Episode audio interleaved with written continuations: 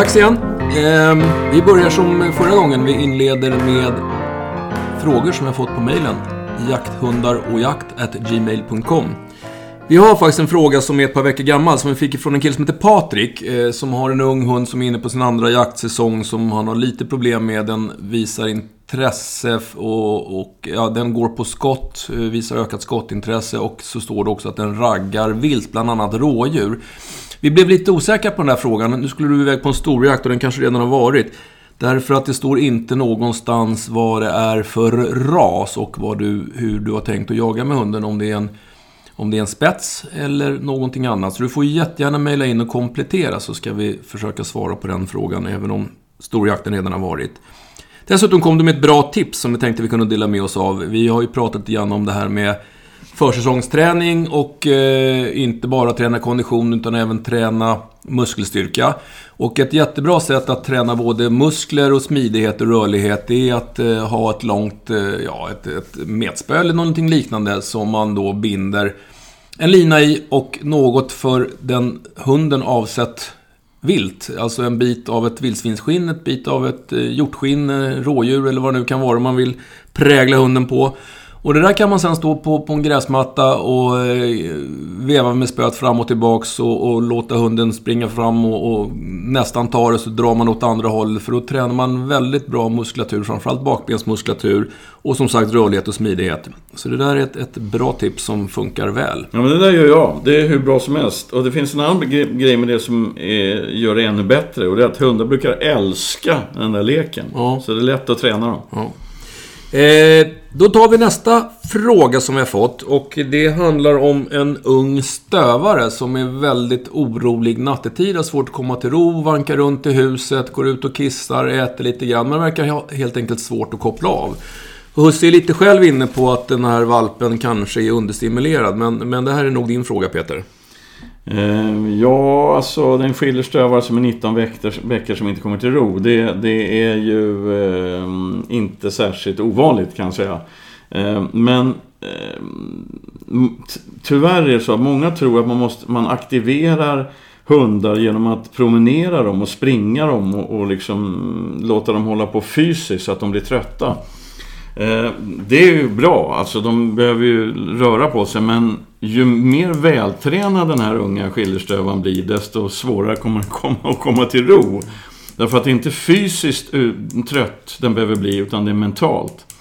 Och stövare, precis som alla hundar, men stövare har ju en makalös näsa. Så det är, det är en nosarbete helt enkelt. Trötta ut den här unga stövaren mentalt, inte fysiskt.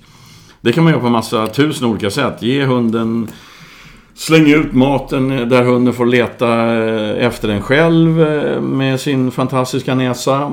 Eh, göm grejer i, under, under, ja, lägg någon godbit under en mattrasa eller i en rishög eller något och hunden får gräva fram den där med hjälp av sin näsa. Ska han hitta rätt. Dra enkla spår.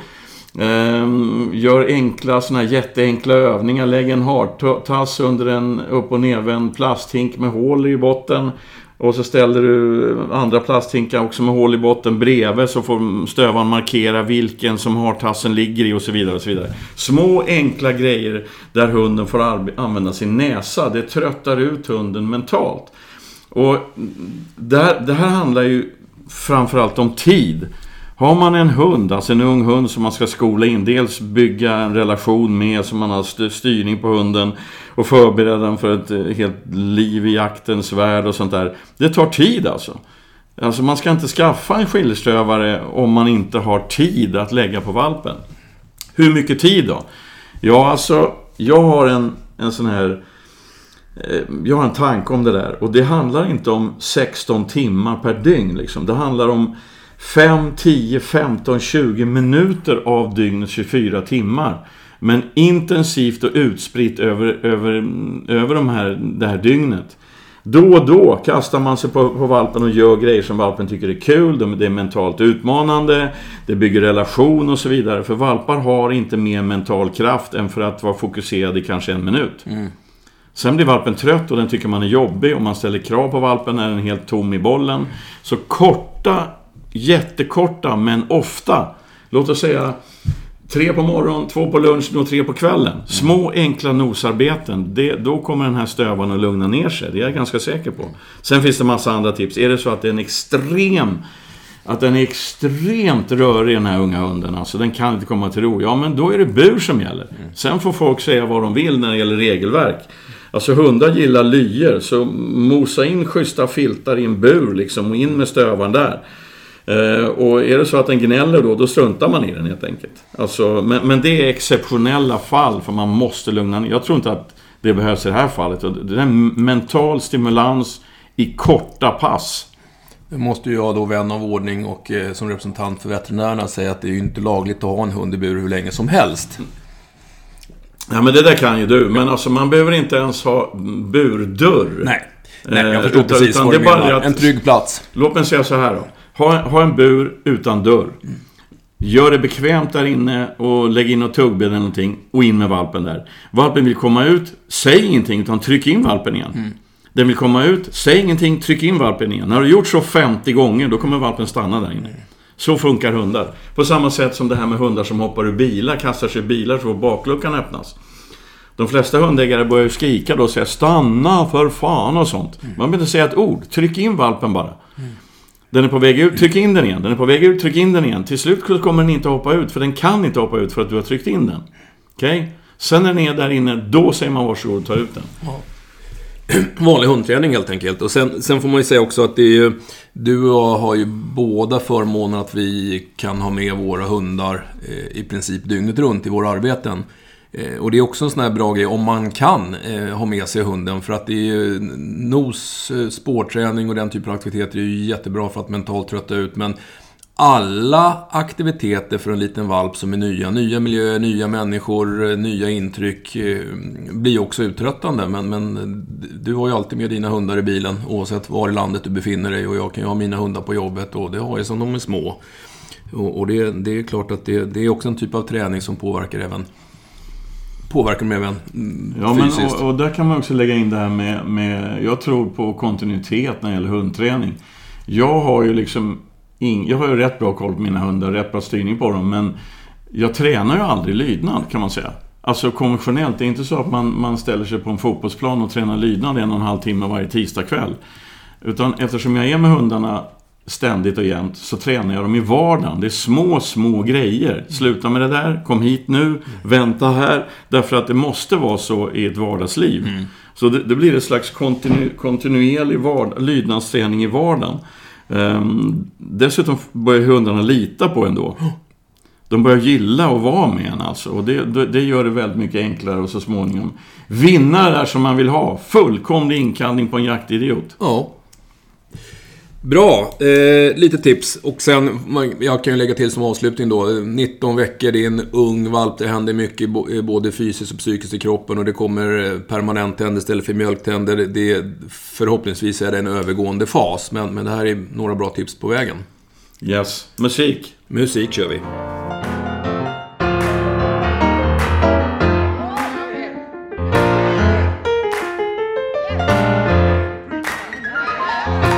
Återigen.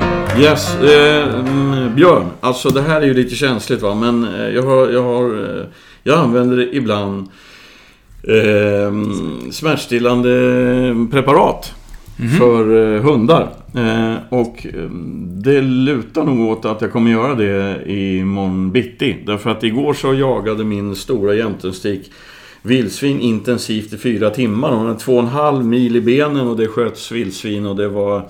Nej, hon var bra trött. Och sen igår kväll kom jag hem, hon somnade, då ringer telefonen och så är det eftersök och så är det två timmar till i skogen. Eh, och det var ingen bråkig, bråkigt vildsvin eller så, men det tog tid och hon fick jobba väldigt hårt. Så att i morse när jag sa nu går vi ut och kissar lilla vän.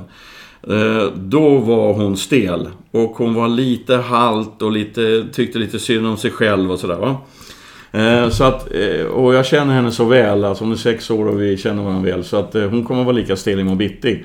Då kommer jag ge henne ett ehm, eh, receptutskrivet eh, smärtstillande preparat avsett för hundar.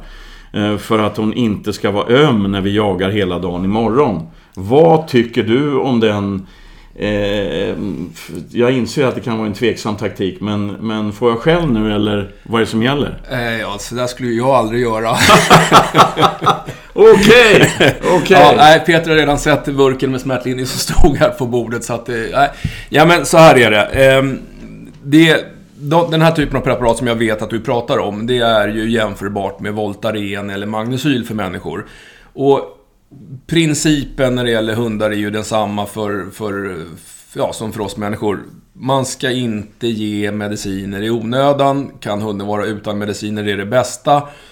Men eh, jag har ju då, som alla förstår, gjort ungefär samma sak. Eh, det som är viktigt rent medicinskt, alltså om man känner sin hund väl som du gör, vet att nu har hon gått lite hårt i, i, under ett dygn och de, de, problemen som hon har är relaterade till att hon har gått hårt. Hon är stel, hon har säkert lite träningsverk, lite muskelverk, kanske fått någon liten smäll. Men när hon gick och la sig igår så var hon inte halt, hon var, liksom, hon var trött men, men fysiskt välmående för övrigt. Då har jag inga problem med att man ger dem lite smärtlindring. Men det som är viktigt är ju att vi botar ju inte sjukdomen med de här tabletterna. Vi botar symptomen. I det här fallet så är det smärta och stelhet som vi trycker ner med hjälp av mediciner. Har man en hund som är halt efter jakten, haltar hela vägen till bilen, den haltar när den kommer hem då kan det ju vara läge att kolla upp varför den är halt. Därför att ge de här tabletterna så kanske hältan försvinner, men det betyder ju inte per automatik att hunden är frisk. Vi har tryckt undan symptomen. Så att, så att eh, budskapet är, ja, eh, har man, har man järnkoll och vet att det är, man har kollat igenom hunden, det här har vi pratat om tidigare, undersök hunden efter jakt. Har man klämt och känt och den har inga uppenbara sårskador eller några andra problem någonstans, fine eh, ge det. Men det ska ju liksom inte vara någon långvarig behandling. Utan märker du dagen efter att hon är fortfarande väldigt stel och halt och, och, eller har det tungt och då har det gått två dygn sedan hon slutade jaga. Ja, då bör man nog dra öronen åt sig va? så att man inte bara fortsätter att trycka i mediciner. Ja, nej men alltså det var ju lite skämtsamt men det är klart jag gör så. Alltså, det, man, hon ska hålla länge och ha ett bra liv så att men, men, men jag kan dra en parallell till mig själv för att jag för några veckor sedan så under en jakt så mm, halkade jag på ett berg och eh, gjorde mig präktigt illa i rebenen. Mm. Alltså riktigt, mm. riktigt. Alltså det var inte roligt alls. Eh, och reben, ja du vet ju, det kan ju göra präktigt ont. Man, eh, jag tycker livet är ganska roligt och när man inte kan skratta ordentligt utan det gör ont, då, då mår man inget bra. Då smäller jag i, i mig eh, alltså receptfria läkemedel som dämpar smärtan ja. så jag kan fortsätta jaga och jobba och göra någonting annat. Ja. Eh, rebenen leker ju inte snabbare men jag fungerar bättre. Yes. Det, det är den jämförelsen. Det är en bra liknelse. Och jag menar, hade du haft svårt att andas eller eh, någonting sånt där, då hade du sannolikt inte nöjt med att käka eh, receptfria läkemedel, utan då börjar man kolla upp och det. Sen är ju livet orättvist, för att Orka kommer inte till mig och säger res dig nu, vi ska gå ut och kissa. Eh, utan det är jag som måste ta mig upp, så att jag behöver mer smärtstillande preparat än hon egentligen. Yes. Eh, bra, vi kör vidare. Ja, eh, ska vi ta en fråga till? Vi fick en spännande fråga om en jämthund, relativt ung, har gjort bra ifrån sig på jaktprov, men den har egenheten att den eh, vänder när det skjuts en älg. Och tydligen så är det som så att det är bara passkyttar som har skjutit älg för den här jämten, inget ståndarbete. Och när det smäller så vänder jämten och går tillbaks till husse eller matte. Ja, det, fast det, var, det är faktiskt så att det har skjutits eh, älgar på stånd. Några stycken. Eh, men hunden är inte intresserad av, av eh, älgarna. Alltså han raggar inte så mycket. Och lite intresserad. Han sliter ut tungan och tuggar på den och lite sådär. Men, men annars lägger han sig bara bredvid älgen och är nöjd. Um, är det något fel på min hund? lyder frågan. Alltså varför är han inte intresserad och så vidare. Jag tror visst, det är en ung, det är en ung hund, alltså en ung jämthund. Jag tror att det här handlar om någonting så väldigt enkelt som ett missförstånd. Jag tror att den här unga hunden har vänt Alltså det, det, problemet är ju att det är passkyttar som skjuter och då snackar vi inte gångstånd utan då är det, då är det skenälgar eller stänkälgar alltså. Eh, hunden går på slag och så ganska långt ifrån hunden så skjuts ett skott och, och en passkytt skjuter. Då har den här unga hunden vänt och tagit sig tillbaka till sin förare. Jag tror att den här föraren har jättebra relation med den här hunden. Och jag tror att föraren har miss, gjort ett misstag. Alltså man bejakar att hunden kommer tillbaks. Till exempel genom att säga Gud vad du är duktig som kommer tillbaks, men jag vill att du förföljer älgen. Mm. Men hundar kan inte svenska språket, utan hunden blir glad för att den får massa uppskattning för att den kommer tillbaks. Och har det hänt två gånger, tre gånger, fyra gånger att en passkytt skjuter en skenälg, hunden vänder, kommer tillbaks och får, den får massor med bekräftelse. Då har den här unga hunden lärt sig eller vant sig vid att när det smäller någonstans långt bort, trots att det går på älgslag, då ska jag tillbaks till matte och husse. Mm. Eh, hur löser man problemet då? Ja, sam på samma sätt som man gör med en hund som har för dåliga för, dåligt, eh, för dåliga drevtider, för dåliga sök och sådär. Man bejakar inte när den kommer tillbaks. Om den kommer tillbaks i fel läge. Är det så att den går på slag, den här unga spetsen, mot en passkedja, ja, gå med då i hundens egen löpa. Och så smäller det där ute, hunden vänder och tar sitt bakslag. Då kommer man att möta den unga hunden i hundens slag. Då tittar man inte ens på hunden. Man säger ingenting till hunden, man gör ingenting. Hunden är luft, den existerar inte. Utan man fortsätter i hög promenadfart och, och går mot där skottet small. När man kommer fram till älgen, som är skjuten av en passkytt, då har ju hunden hängt med. Mm. Då bejakar man hunden. Vid älgen. Mm. Inte när den släpper för tidigt. Var jag tydlig nu? Var det... Mm. Ja, men det, det, det, här är ju det är rätt spännande därför att du återkommer till samma typ av agerande vid lite olika problemställningar. Just här att vi bejakar hundens beteende vid fel tillfällen. Ja, och därför att vi är människor oj, och vi tänker som människor. Eh, man säger till hunden, du är duktig du, men... Det fattar inte hundar. Nej. Utan de, de gillar uppskattningen de får, bekräftelsen de får. Mm. Eh, och då vänjer de sig vid att okej, okay, det här måste vara vettigt och helt rätt eftersom jag får massor med bekräftelse. Mm. Även om hundföraren säger Ja, ja, ja, du är duktig, men för helvete gå efter älgen. Ja. Det fattar inte hunden heller. Nej. Utan då blir den lite orolig och undrar varför den inte får godis. ja. Ja, nej, bejaka eh, beteendet där vi vill att hunden ska bejakas och inte i något annat läge. Jag måste säga en annan sak också. Det är att ibland så, så tror jag att, att vi hundägare krånglar till saker i onödan. Alltså, som jag ser det är hundar otroligt enkla och logiska varelser. Det finns bara ja och nej i huvudet på en hund. Det finns inga gråzoner i skallen där. Eh, men vi människor teoretiserar och krånglar till saker så att ofta kan man lösa de flesta problem man har med sin hund, både i vardagen och jakten, genom att ta ett djupt andetag, sätta sig ner och tänka logiskt. Mm. Alltså. Mm försöka sätta sig in i saker och ting ur hundens perspektiv. Hunden är ju en, liksom en, en egentligen tycker jag då, roligare varelse att jobba med än människor. Mm. Alltså, för att de är så sjukt enkla. Mm. Det är raka rör som gäller. Eh, får de en vinning av någonting så fortsätter de med det. Får de inte vinning av någonting, ja då slutar de med det. Ja. Eh, fan, jag skulle vilja att människor funkar mer på det sättet. Mm. Mer musik, Björn. Då kör vi musik.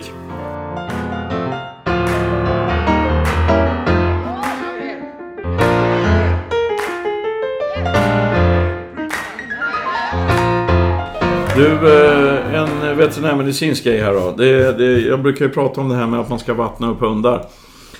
Innan, man, innan ansträngning.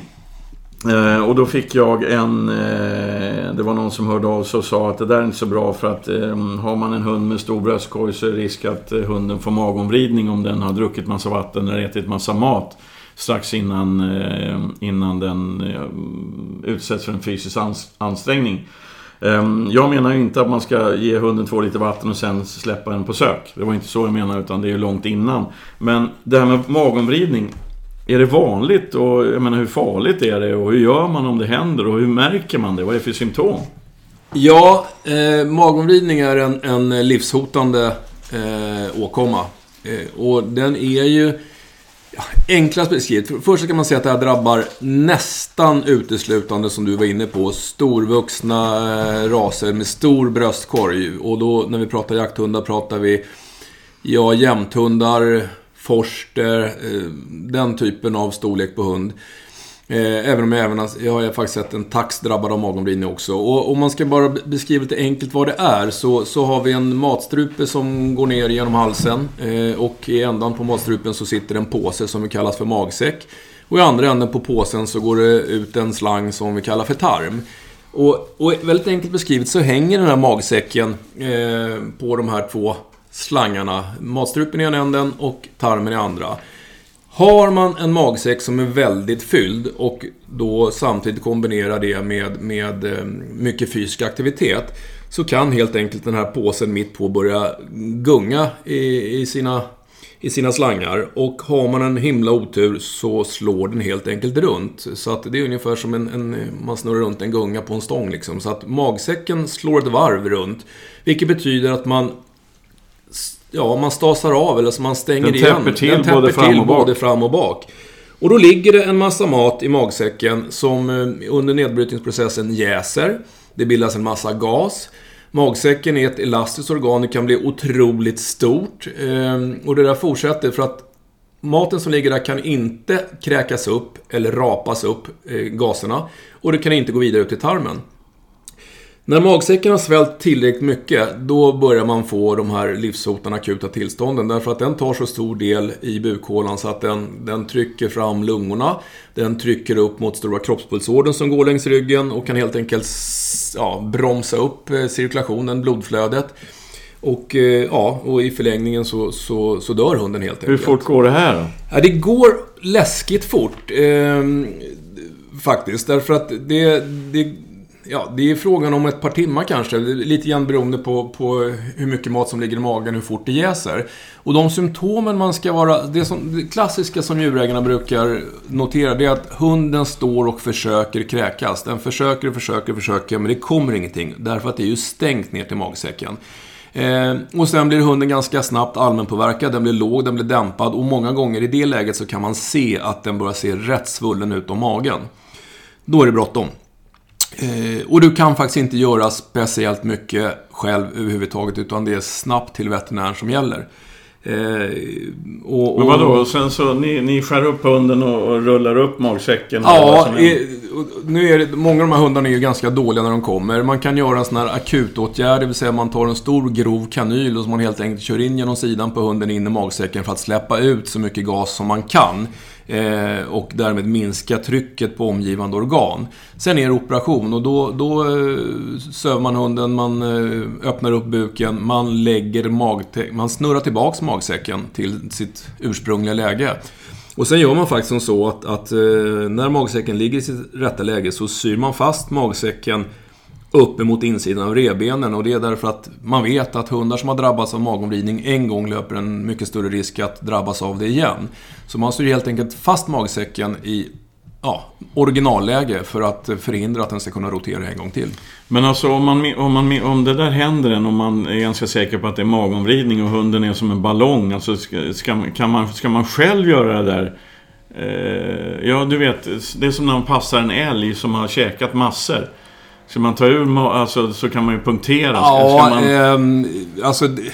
Är man långt ut i skogen och har en, en hund som är så pass allmänpåverkad att man inser att det här går käpprätt åt skogen. Jag har två timmar till närmsta veterinär.